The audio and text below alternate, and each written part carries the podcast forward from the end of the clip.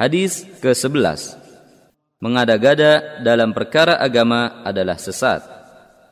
عن عائشه رضي الله عنها ان رسول الله صلى الله عليه وسلم قال من عمل عملا ليس عليه امرنا فهو رد Dari Aisyah radhiyallahu anha bahwa Rasulullah shallallahu alaihi wasallam bersabda, Barang siapa yang melakukan amal perbuatan yang tidak ada asalnya dari kami, maka tertolak.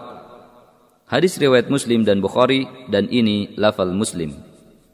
Perawi hadis lihat hadis nomor 5. Perawi hadis lihat hadis nomor 5.